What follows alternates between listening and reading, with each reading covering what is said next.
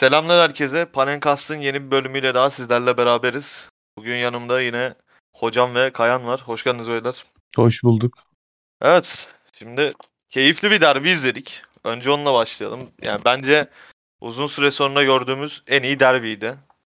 Siz bu konu hakkında ne düşünüyorsunuz? 11'ler, Pereira'nın tercihleri. Kayan senle başlamak istiyorum. Pereira'nın aslında planı çok iyiydi. Hani orta blokta presi yaptılar. Galatasaray'ı çıkarmadılar. Pereira'nın genel olarak maç planı ve oyuncu tercihleri hakkında ne düşünüyorsun Kayan? Ya öncelikle senin eee, son yılların en zevkli derbisiydi yorumuna katılıyorum. Gerçekten pozisyon olarak. Yani çok kaliteli bir derbi değildi ama geçmiş yıllardaki Galatasaray Fenerbahçe derbilerine göre kaliteli bir derbiydi. Eee, daha sonra Pereira'nın ben ilk önce 11'i gördüğüm zaman yani gerçekten umutsuzdum. Bu nasıl 11 falan diye böyle. Ama hani maç içinde o full orta saha tipli oyuncularla çıkıp da Ee, çok iyi bir orta saha baskısı yapıp hani Galatasaray'ın da zaten geriden oyun kurma problemi var. Yani orada iyi bir baskı kurup hata hataya yöneltmeye çalıştılar. Ya bir iki sefer işte olmadı. Zaten bir tanesinde de e, Fenerbahçe golü yedi önde baskı yaptığı zaman. Ya böyle. Hocam sana geçelim. Genel ben Fenerbahçe'yi bu maç özelinde beğendim ama dediğim gibi bu maç özelinde yani Fenerbahçe'nin bu maç ortaya koyduğu plan belki başarılı olmuş olabilir. Yani en azından rakibi kısıtlama konusunda. Sence dörtlü savunmanın e, ileri vadede Fenerbahçe'de kullanılabileceğini düşünüyor musun? Ne dersin bu konuda?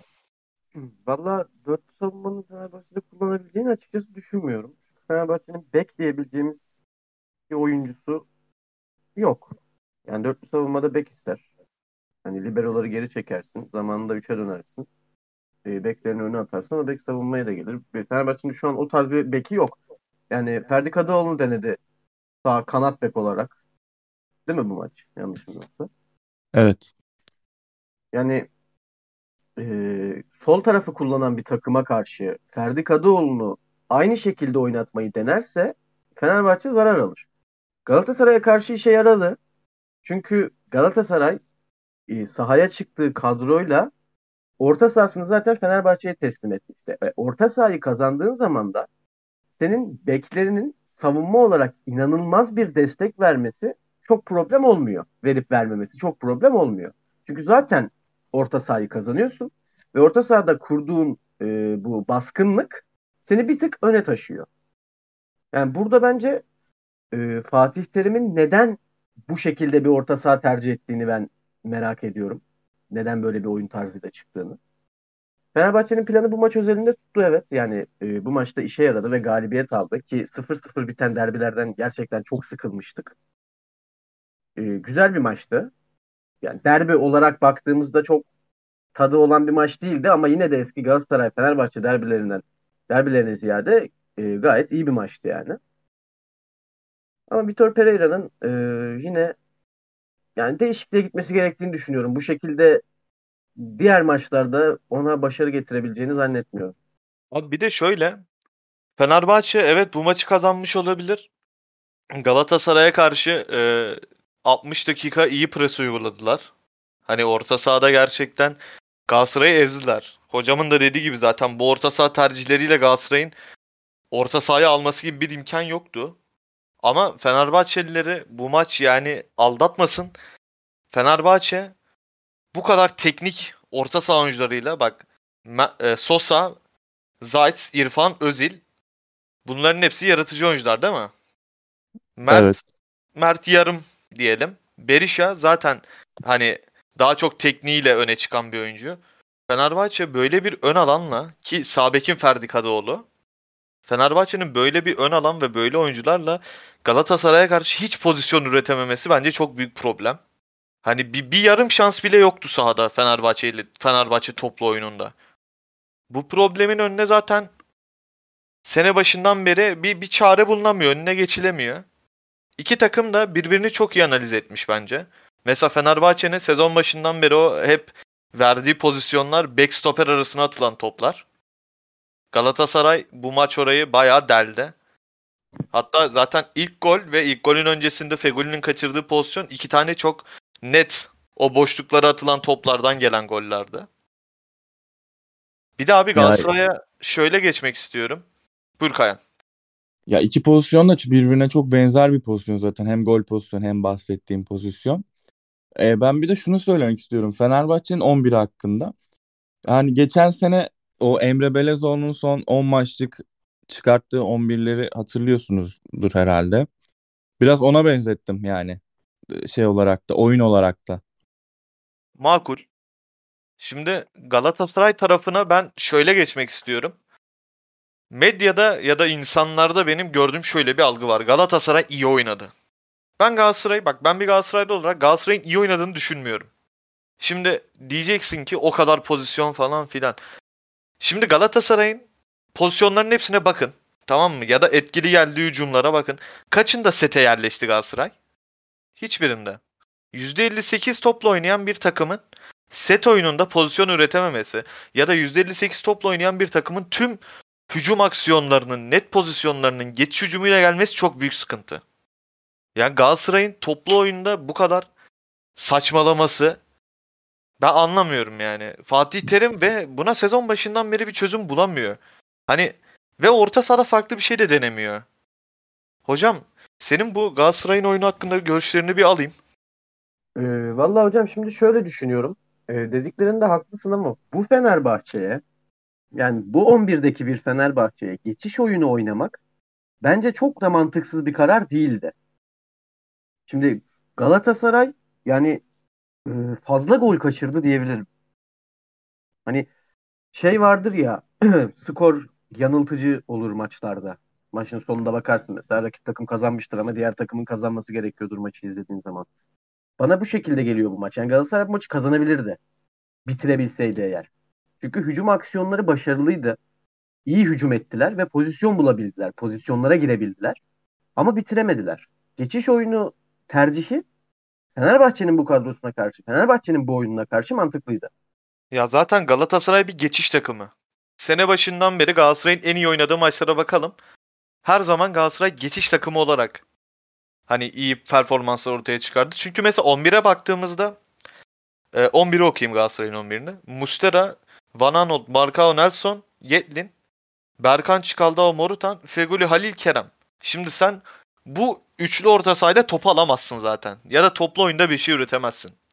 Şimdi mesela Morutan kendi başarısıyla bir şeyler üretebilir. O da bu maç çok kötüydü bence. Çıkaldao hani geldiğinde 10 numara dediler. Sonra 8 oldu. Ya ben bu çocuğun hiçbir şey yaptığını görmüyorum yani sahada. Özellikle bu maç ya bir tane geriden gelip top almadı. E beklerin zaten senin oyun kurucu değil. Sadece Nelson Marcao'yla da işte dediğim gibi o Fener'in orta blok presini kıramadın. E sen bunu yapamadığın halde %58 topu alıyorsan ya bence bu başarısız bir plan. Evet aslında katılıyorum sana da hani e, o Nelson Marka ikilisi yetmedi şey olarak o bloğu kırmaya.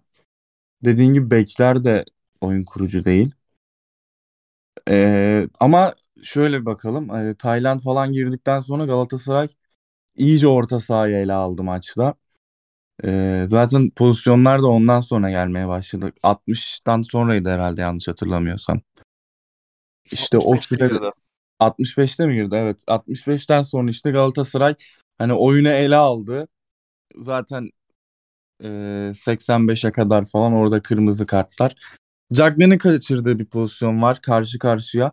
Hani belki Cagney onu atsa e, Galatasaray 3'e 4'e de gidebilirdi diye düşünüyorum ben.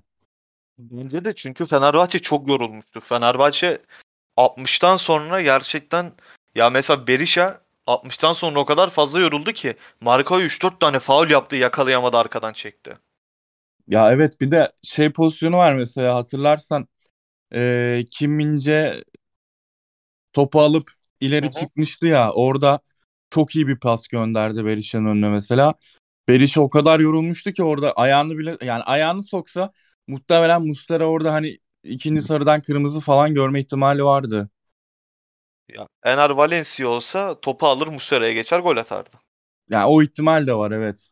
Peki abi şeyi söyleyeceğim size. Şimdi mesela maçta defalarca gördük. Galatasaray orta sahasıyla savunmasının arasında yaklaşık bir 20 metre boşluk var ve o 20 metrede her Galatasaraylı'ya bir Fenerbahçeli düşüyor abi. Burada Fatih Terim'in bunu görüp de hani oyuna Taylan'ı atması gerçi Taylan atılınca da bir şey fark etmedi de hani Galatasaray'ı hepimiz izliyoruz. Kaç maçtır Galatasaray böyle. Bunun bir çözümü yok mudur yani? Galatasaray'ın savunma önünde oyun kurucu olmadan bu tür maçları oynayıp da galibiyet alması çok zor. Çünkü orta saha üçlüsünün hiçbiri gelip mesela geriden top almıyor. Mesela Marka ile Nelson'a baktıysanız sürekli birileri gelsin istiyor. Eliyle hareket falan yapıyor. Hatta maçın bir bölümünde hatırlıyor musun? Van Aanholt orta sahanın merkezine kadar geldi top alıp dağıtmaya çalıştı falan. Evet Ya evet zaten- hatta bunu şeyde de konuşmuştuk WhatsApp grubu. Akın bu arada özür diliyorum sözünü kestim. Ee, ben demiştim Van Aanholt serbest oynamaya başladı falan diye. Yani Kaldao'nun şu maçta bence tüm ya 90 dakika oynaması büyük rezalet. Ya abi şimdi Berkan'ı biliyoruz. Berkan iyi bir oyuncu ama topu alıp sırtını dönüp hemen pası çıkaramaz. O baskıdan çıkamaz. E bunu yapabilecek Çikaldao var. E Çikaldao abim de hiç zahmet edip gelmiyor abi savunmaya. Hiç zahmet edip gelmiyor.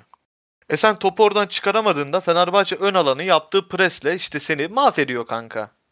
Bir de Hocam evet ama e, Çikaldao bunu yapamıyorsa yedekten bunu yapması için kimi alabilirsin oyuna? Sonuçta Tayland da bunu yapamıyor. Tayland'da mesela insanlar Tayland bunu yapabiliyor sanıyordu. O kötü Galatasaray'ın içinde hatırlıyorsanız Tayland bir parlamıştı. Ama Tayland da çok defosu var. Abi sonuçta Evet. 27 yaşına kadar 10 numara oynamış bir futbolcuyu sen savunma önüne alamazsın. Adam zaten kaleye yüzü dönük oynamayı seven bir adamı. 100, 27 sene kaleye yüzü dönük oynayan bir adamı sen defansif orta sahada sırtı dönük pas verdirtemezsin. Artık o olmuş bir futbolcudur abi. Mesela Yani- Asun Chao niye denenmiyor?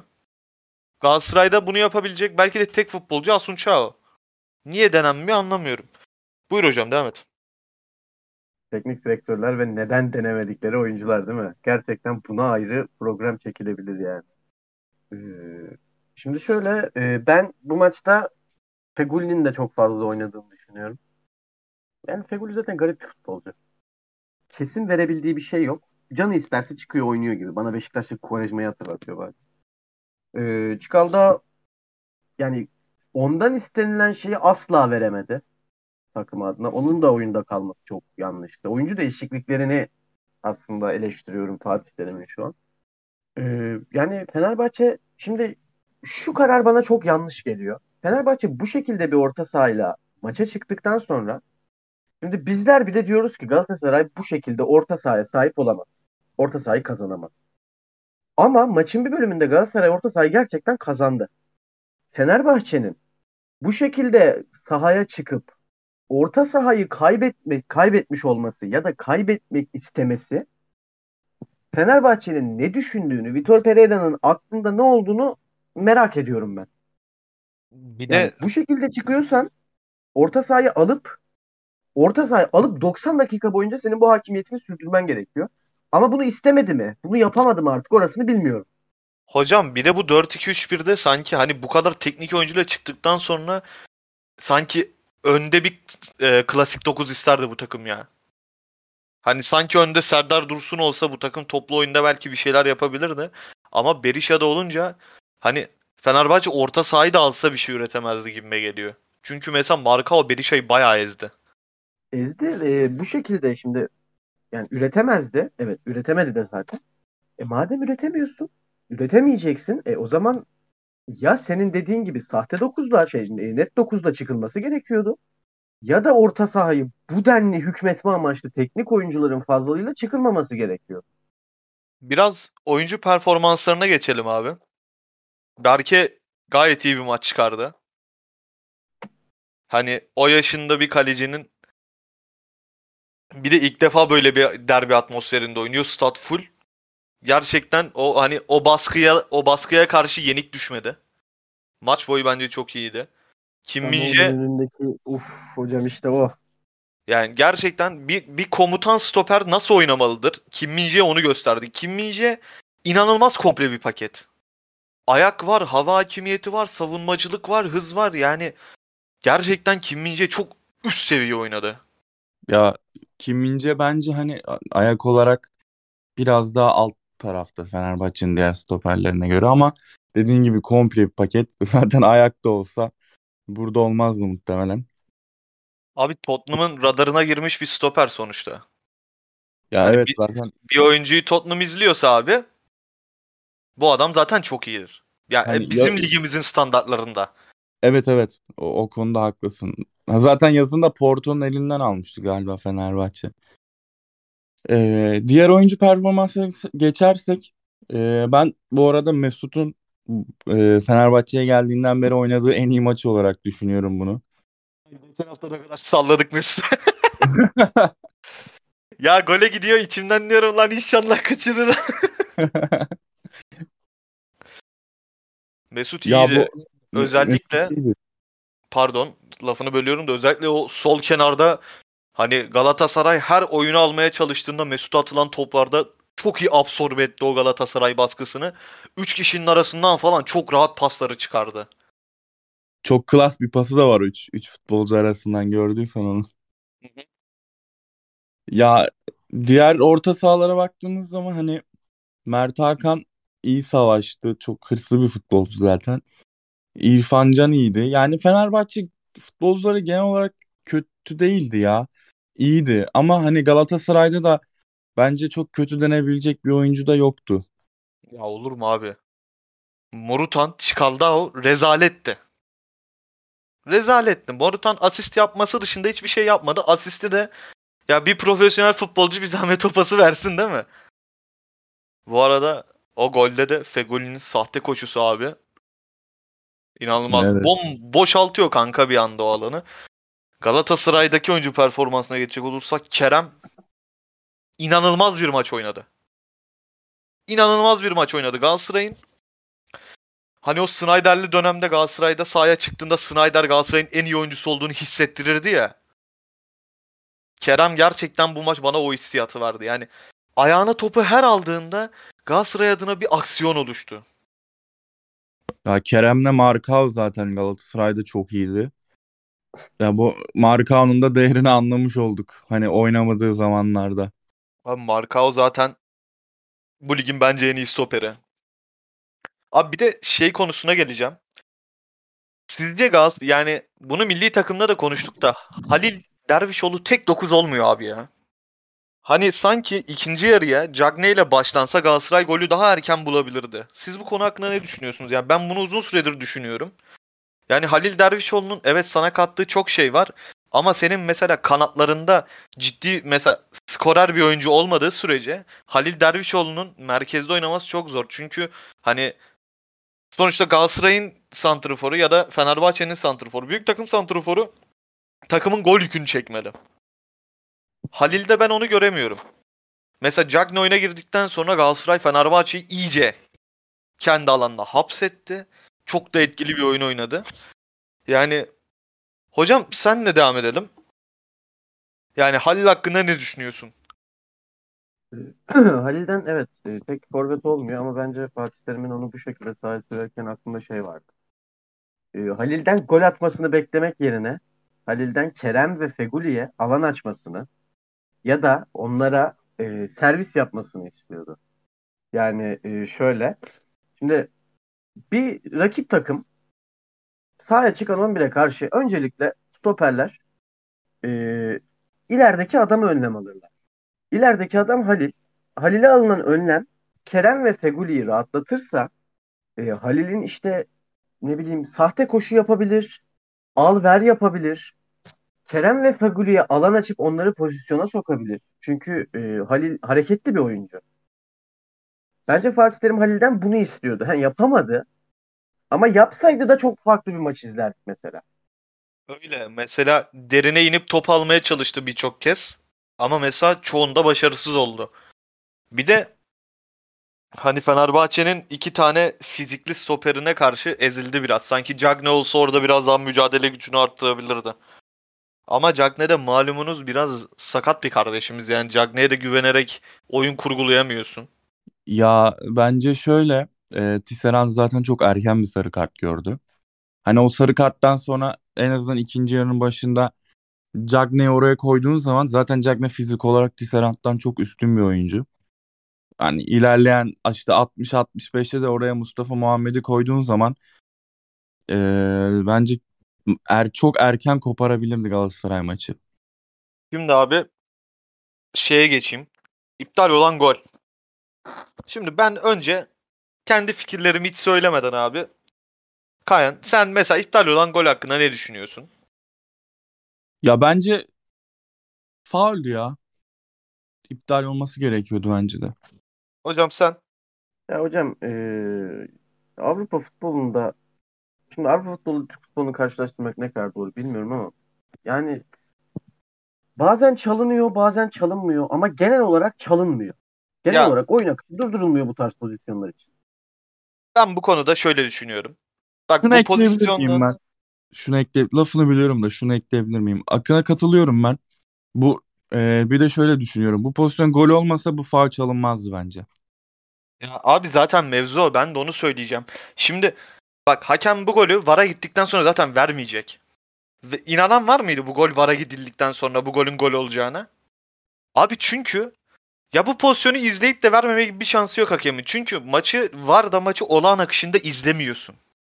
VAR da kanka yavaşlatıyor. Tamam adama dokunuyor, düşüyor. Ama ben şunu söylüyorum. Hani burada zaten benim sinirlendiğim nokta şu. Bu işin bir standardı yok Türkiye'de. Bu işin bir standardı olsa kimse bu golün iptal olduğuna ya da gol olduğuna kimse zaten itiraz etmez. Bunu Cagney bile kendisi söylemişti zaten maç sonunda. Rize'de verilmişti golüm demişti. E, haklı adam. Haklı. O veri lan o pozisyon golse bu pozisyon golün tillahı. Evet evet. Yani standart yok. Hayır. Bir de abi ben mesela Fatih Terim olsam ya da Pereira olsam derim ki artık duran toplarda adam adama eşleşiyoruz. Rakibin elini sırtınızda gördüğünüz anda yere atın kendinizi. Eğer işin standardı buysa. Ya çünkü çok ufak bir müdahale bak. Dün Akın'la beraber Paris City maçını izliyoruz. Aynı pozisyon belki 5 kere oldu. Bak ceza sahasında gol iptal edilmeyi geçtim. Aynı pozisyonun daha sertine orta alanda faul çalınmıyor. Ya bilmiyorum. Ben ben iptal edilmemesi gerektiğini düşünüyorum ama VAR'a girip de izledikten sonra zaten iptal ederse de ona hiçbir şey diyemem. Çünkü dediğim gibi onu izleyip de vermeyecek hiçbir hakem yok.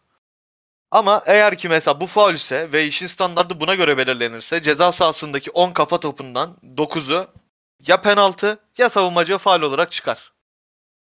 Ya maç sonunda da zaten böyle pozisyon vardı Serdar Dursun.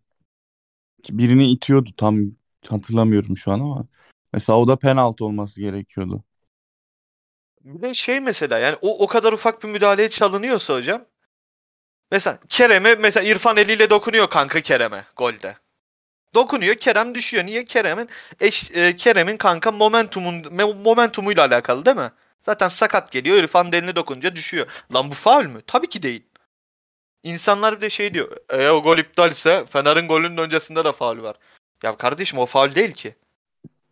Zaten bu da faul değil. VAR'da izlemese vermeyecek. Evet. Ya bilmiyorum sıkıntılıydı ama ben genel olarak hakemin kötü yönettiğini düşünmüyorum maçı. Bence hakem iyiydi. Tek ilk 20 dakikada oyun biraz fazla durdu. Onun dışında mesela pek bir tartışmalı kararı olduğunu düşünmüyorum hakemin. Ya evet maçta hani genel olarak maçın akışında iyiydi. Sadece hani böyle bir iki tane tartışmalı karar var zaten. Bence de iyiydi yani. Vallahi çok sıkıntı. Bir de mesela o Tisserand hani pozisyonun öncesi Tisserand kırmızıyı yedi ya. Ya zaten kırmızı kartı vereceksin. Mesela Cagne savunmacıya çalımlayıp karşı karşıya kaldı. Orada oynatması lazım bence. Ya ben orada pozisyona da baktım hani anlamadım çok. Bir böyle düdüğü götürüyor gibi eline. Sonra pozisyonun oraya aktığını görünce çalıyor gibi bir şey var ama tam anlayamadım yani. Ben anlamadım. İlk başta offside sandım zaten. Yani dedim acaba ne oldu? Bir şey faul maul mu oldu?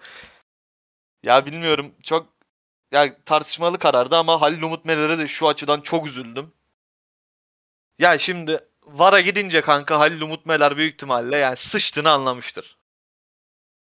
Şimdi pozisyonu gol dese Ali Koç çıkıp açıklama yapacak.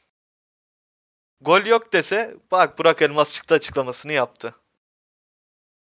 Ya bilmiyorum. eee, hakem bence kötü yönetmedi. İyiydi ama tek problem bence o golün gol olması gerekiyordu. Ama dediğim gibi izleyip de vermiyorsa da ona da bir şey diyemem. Evet beyler eklemek istediğiniz bir şey var mı? Unuttuğumuz, konuşamadığımız bir şey. Benim yok. Yok. O zaman Beşiktaş'a geçelim Merto. Şimdi hocam eee Sporting'den 3 neyse. Beşiktaş'ımız dün Avrupa'da yine bir mağlubiyet daha aldı. Hocam bu maçla mı başlamak istersin yoksa ligdeki maçla mı başlamak istersin? Kararı sana bırakıyorum. Sen çünkü hani WhatsApp'taki konuşmalarımızdan da bir tık dolu gibiydin. Akış sana bırakacağım yani. Kafana göre takıl. Başla hocam buyur. İsim ben taze olduğu için öncelikle dünkü Ajax maçından bahsetmek istiyorum. Ee, şimdi yani zaten çok futbolun ümit vermiyor. İşte Şampiyonlar Ligi'ndeki performansın ümit vermiyor. Futbolcuların ümit vermiyor. Yani kısacası ümit vermiyorsun. Ajax'a karşı maça çıkıyorsun. Ee, bir şekilde gol buluyorsun. Hatta golden sonra pozisyonlar buluyorsun. Bitiremiyor Larin kardeşimiz. Her şey güzel gidiyor baktığın zaman. Alınabilir mi maç? E, bu şekilde devam edilirse neden olmaz? Birkaç sıkıntı var ama çözülebilir. Mesela değişiklikler yapılabilir ikinci yarının başında ve bu maçı kazanabilir misin? Kazanabilirsin. Ya da en kötü puan alabilir misin? Alabilirsin. İlk yarıyı bir şekilde geçiriyorsun ki başarılı bir oyun oynuyorsun. İkinci yarıya başlıyorsun. İkinci yarının yani soyunma odasında ne konuşulduğunu çok merak ediyorum. Arkadaşlar siz çok iyi oynuyorsunuz. Şu an Beşiktaş'ın her zamanki halinden farklısınız. Lütfen biraz saçmalar mısınız mı dendi acaba? Yani ne olduğunu çok merak ediyorum. Ne değişti ikinci yarının başında? Ya Beşiktaş niye ikinci yarıya başladığı zaman direkt olarak yok oldu? Hiçbir şey yapamadı. Hiçbir reaksiyon gösteremedi. Neden böyle olduğunu çok merak ediyorum. Yani sonuç olarak kaybedildi. Ee, zaten umut olmayan bir serüvenin de sonuna gelinmiş olurdu. Ya bunlar çok önemli değil. Tamam. Fakat ben yani Sergen Yalçın'ı artık eleştirmek istiyorum. Yani eleştiriyorum tabii ki ama e, şu konuda da eleştirmek istiyorum Sergen Yalçın'ı artık. Şimdi e, teknik direktörlerin maç kaybettikten sonra çıkıp biz kendimiz gibi oynamıyoruz. Bir şeylerin değişmesi gerekiyor. Sorumluluk bende tarzı açıklamalarına çok alıştım. E hocam anladık da sende tamam problem sende bir şey yap artık. E, hiçbir şey yapmıyorsun. Bak dün Ajax maçında Can Bozdoğan oyuna girdikten sonra gerçekten Beşiktaş'ın orta sahasını tek başına toparlamaya çalıştı. Sola sol içe indi, pozisyon yaratmaya çalıştı. Sağ içe indi, pozisyon yaratmaya çalıştı. Geriden top çıkarmaya çalıştı. Önde top dağıtmaya çalıştı. Yani bunları ben görüyorum, Sergen Yalçın göremiyor mu? Ya da Alex Teixeira 10 numara pozisyonunda oynatıyorsun bu takımda oynattığın her maçta. Olmuyor. Yapamıyor 10 numara pozisyonunda. Hocam Forvet de ne? pardon böldüm de seni. Alex Teixeira deyince bir araya gireyim dedim. Ya Beşiktaş 4-2-3-1 oynayan bir takım değil mi? Şimdi zamane 4-2-3-1'lerinde gördüğümüz şey aslında 4-2-3-1'in 10 numarasının o klasikleşmiş 10 numara olmaması. Hani geriye gelip bağlantıyı yapması aslında hani bir o 8.5 dediğimiz rol var ya. Hani bir 8.5 gibi oynaması. Ya Teixeira'yı ben ne zaman izlesem zaten fizikalite olarak çok geride. Hani hücuma bir katkı veremiyor. Ve abi mesela Beşiktaş'ta e, orta alanla hücumun bağlantısını hiç yapamıyor. Arada böyle 10-15 metrelik boşluk oluşuyor. Hani orayı normalde Teixeira'nın yardımıyla Beşiktaş'ın destekle kapatması lazımken Teixeira bunu hiç yapamıyor. Ve hani izlediğim tüm maçlarda Beşiktaş'ın açık ara en kötü futbolcusu olmasına rağmen her maç ilk 11 çıkması çok şaşırtıcı. Bir de abi Can Bozdoğan hakkında. Abi Şampiyonlar Ligi'nde oynayan bir takımsın. Türkiye'nin şampiyonu bir takımsın. Şampiyonlar Ligi Avrupa futbolu düzeyinde fiziği olan tek oyuncun senin Can Bozdoğan. Ve bu adam da Almanya'dan gelmiş 20 yaşında bir oyuncu. Ya bu çok acı verici. Çok acı verici yani. Yani şimdi e, şunun da altını çizmek istiyorum.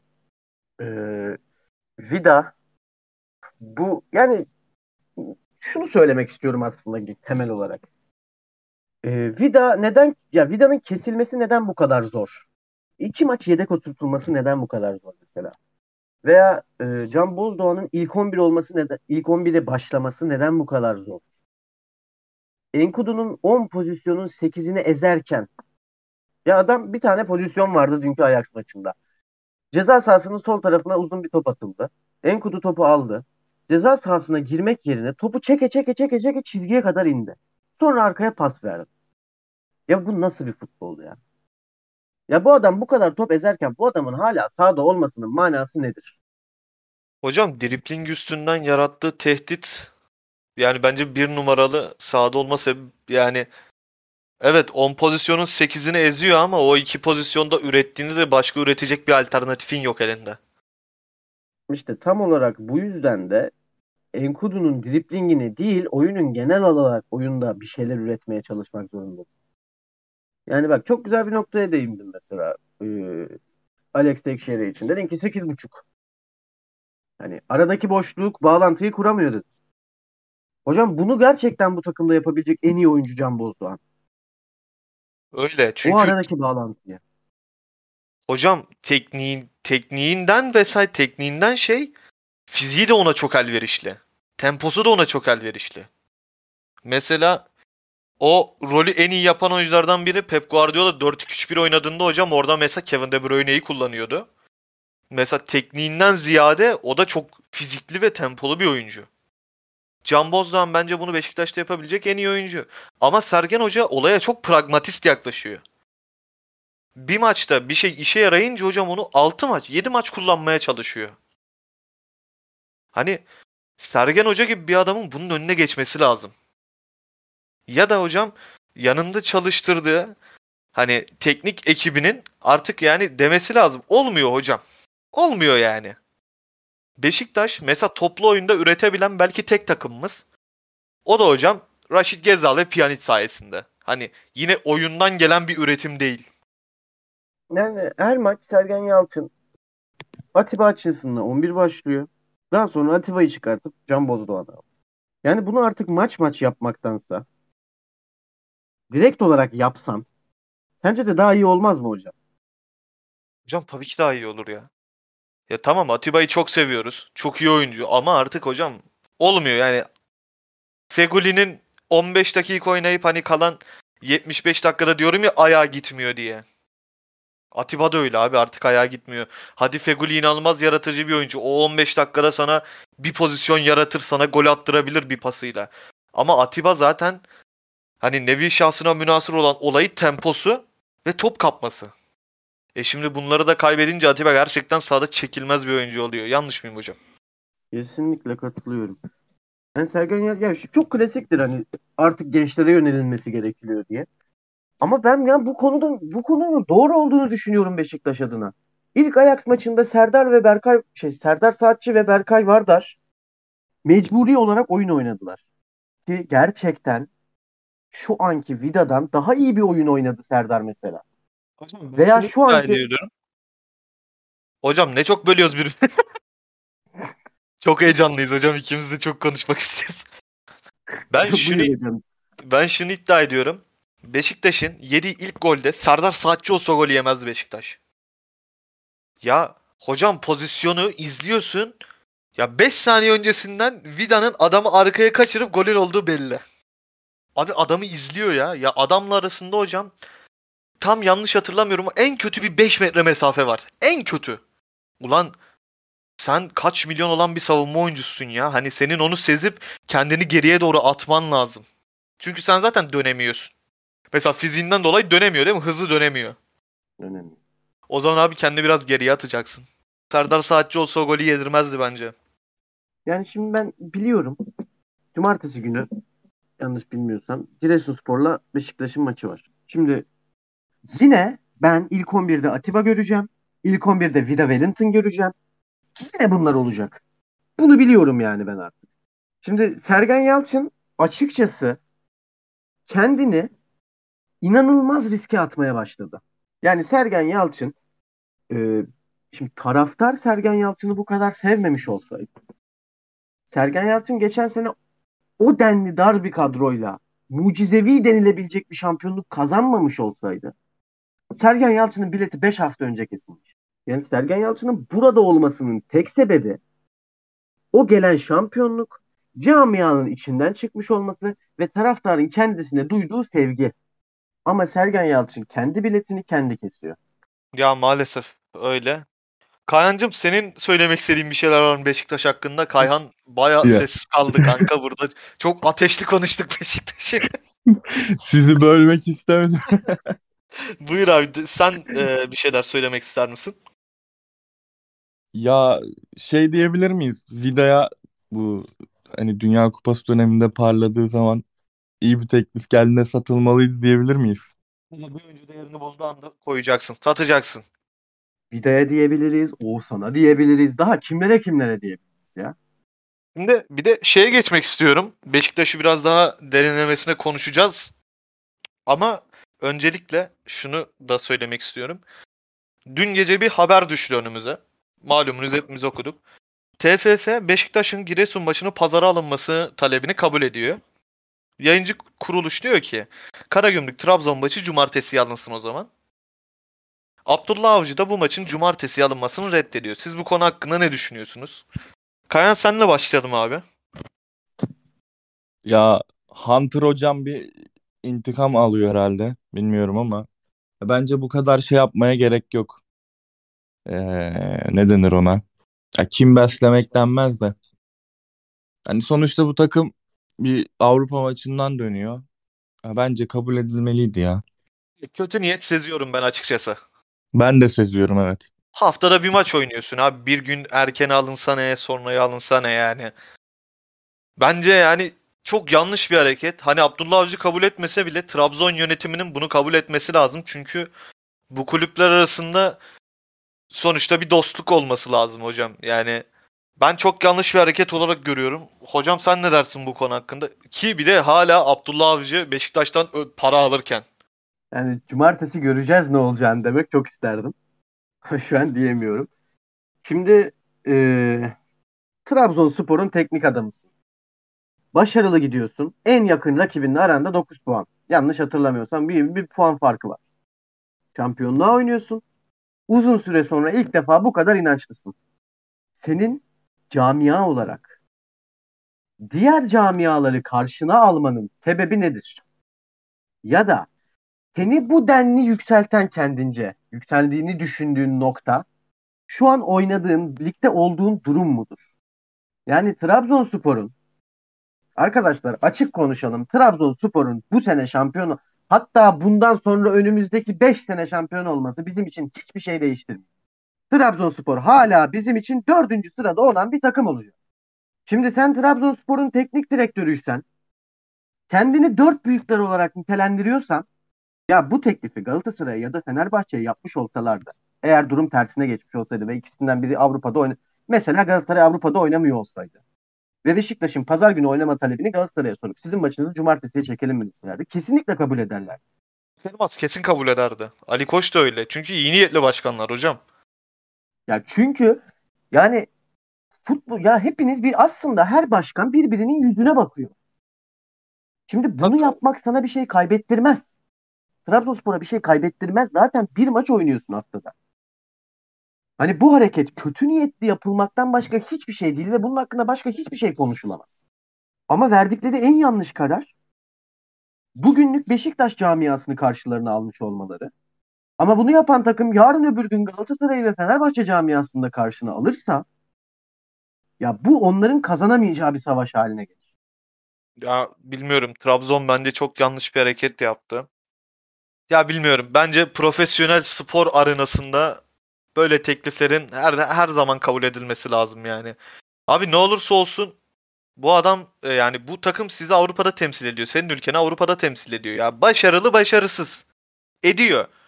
Hani biz şunu da biliyoruz abi. Abdullah Avcı'nın Başakşehir'de bilerek Avrupa Ligi'nde gruptan çıkabilecek gruplara hani yedek oyuncularla çıkıp Avrupa'dan elendiğini de biliyoruz.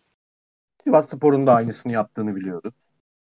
Hani seni Avrupa'da senden daha iyi temsil eden bir kulübe Sen bunu yapamazsın ya. Hani bir de hocam sonra çıkıp şey yapıyorlar ya bu teknik hocalar ya da başkanlar açıklama yapıyorlar ya milliyetçilik falan filan. E kimsenin niye samimiyetine inansın?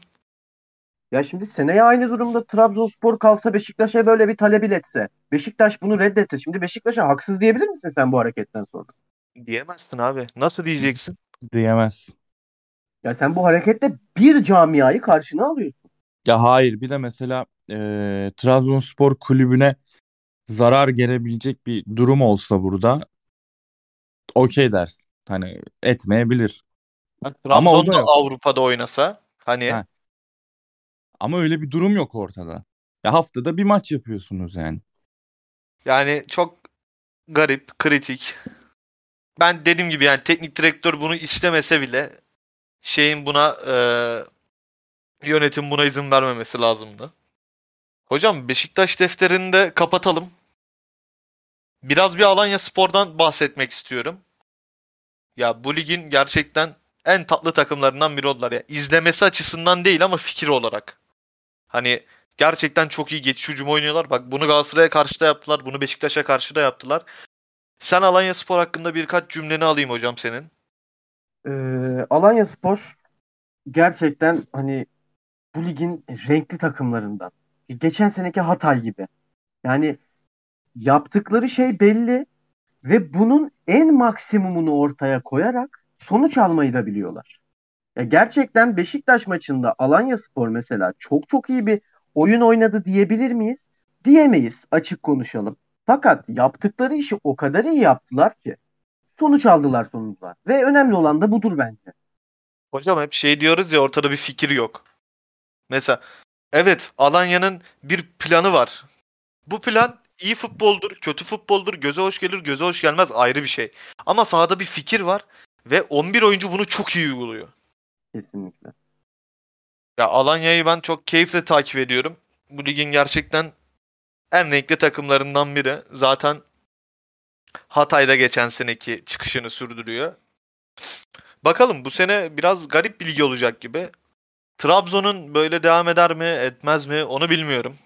Yani bu sene ortada olan şu anki lig tablosu gerçekten çok iyi. Evet öyle. Ben mesela zaten sene başından beri ya 5 bölüm podcast çektik. 5'inde de şey diyorum abi Galatasaray şampiyon olamaz diyorum. Hocam da Beşiktaş şampiyon olamaz diyor. Kayhan da Fenerbahçe şampiyon olamaz diyor. Yani zaten ancak böyle bir şeyde Trabzonspor'un şampiyonluk şansı konuşulabilirdi. Ama camia olarak sonuna götürebilirler mi?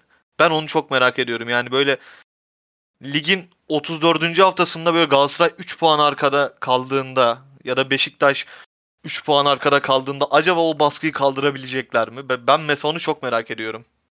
Ya ben Trabzonspor taraftarından, bizi dinleyen Trabzonsporlulardan özür diliyorum ama ben Trabzonspor'un buna hazır olmadığını, buna hazır olmasının da çok zor olduğunu düşünüyorum. Trabzonspor şampiyon olmaya alışmış bir camia değil. Trabzonspor bu baskıyı kaldırabilecek bir camia. Yani Trabzonspor'un e, şampiyon olabilmesi için bizim ekiplerimizin, tuttuğumuz takımların çok kötü futbol oynamaları gerekiyordu. Ki şu an yaptıkları gibi bir şansları olsun. Ancak uzun bir maraton ve daha 25 hafta var. Trabzonspor'un ben açıkçası tökezleyeceğini düşünüyorum. Ama 3 büyük takım diye lanse edilen takımlardan birinin de çıkış yakalayıp şampiyonluğa oynayabileceği ihtimalini de uzak görüyor. Ama senin dediğin gibi hocam eğer Galatasaray, Beşiktaş veya Fenerbahçe son haftalarda puan farkını kapatır ve yaklaşırsa işte o zaman Trabzonspor şampiyon olamaz. Ben öyle Ya- düşünüyorum. Tekrar Trabzonspor taraftarından özür diliyorum ama naçizane düşüncem. Ya burada Saray buyur Kayhan. ya e, Başakşehir'in şampiyon olduğu sezonu hatırlıyorsanız orada da Trabzonspor öndeydi. E, ve hep, burada hepimiz muhtemelen Trabzonspor'un artık şampiyon olacağını falan düşünüyorduk. Hani orada da verdiler şampiyonluğu. Ama orada kanka işin içinde siyaset vardı Ünal Karaman'ın kovulmasında. E yani Zaten öyle bir durum İşte da var ama camianın karışıklığı da aslında hani korktuğumuz şey de aslında temelinde bu yatıyor. evet. Trabzonspor aslında tek bir başkan yönetmiyor. Neyse oralara girmeyelim. Aa bak Neyse ülkenin durumunu konuşsaydık iyiydi bir 10 dakika çünkü çok keyifsiz bir haldeyiz de. Neyse. Şey bir de mesela hocam Galatasaray'da şey vardır bilirsiniz. Galatasaray ne kadar kötü oynarsa oynasın son 5 haftaya şöyle bir şampiyonluk şeyiyle girdiği anda o şampiyonluğu alır. Alamadı geçen sene. Alamadı bir golle hocam. Artık Hatay'a nasıl yedi adam var ya. Yani Neyse. sonuç Yani- netice değil netice demişler. Aynen kardeşim bize 3 atıyorlar. Aynen öyle. Ya tabii kardeşim. Ya futbol zaten çok değişkenli bir oyun. Bunlar olabilir. Yanlış mıyım hocam? Top yuvarlak. Aynen öyle. Mesela bir takım önce gider 7 atar. Sonra o takıma geldikten sonra 3 atar di- diğer yani şaşırtıcı. ilginç. Beyler var mı eklemek istediğiniz bir şey? Bugün de sonlandıralım programımızı. Ya benim yok. Hocam senin? Ha bak benim şey var bu arada. Bak Fatih Terim'e de o konuda çok sinirliyim. Ya arkadaşım biz niye tüm derbileri 1-0 öne geçip kaybediyoruz ya? Lan bari ümit verme kardeşim. Trabzon daha büyük rezalet. 2-0'dan verdik. Keşke bunu konuşsaydık bak unuttuk. Neyse bunu da ben haftaya haftaya bunu ben yazayım konuşacağım kanka. Evet beyler kapatıyorum o zaman. Evet biz dinlediğiniz için teşekkürler. Panenkast'ın diğer bölümünde görüşmek üzere. İyi günler.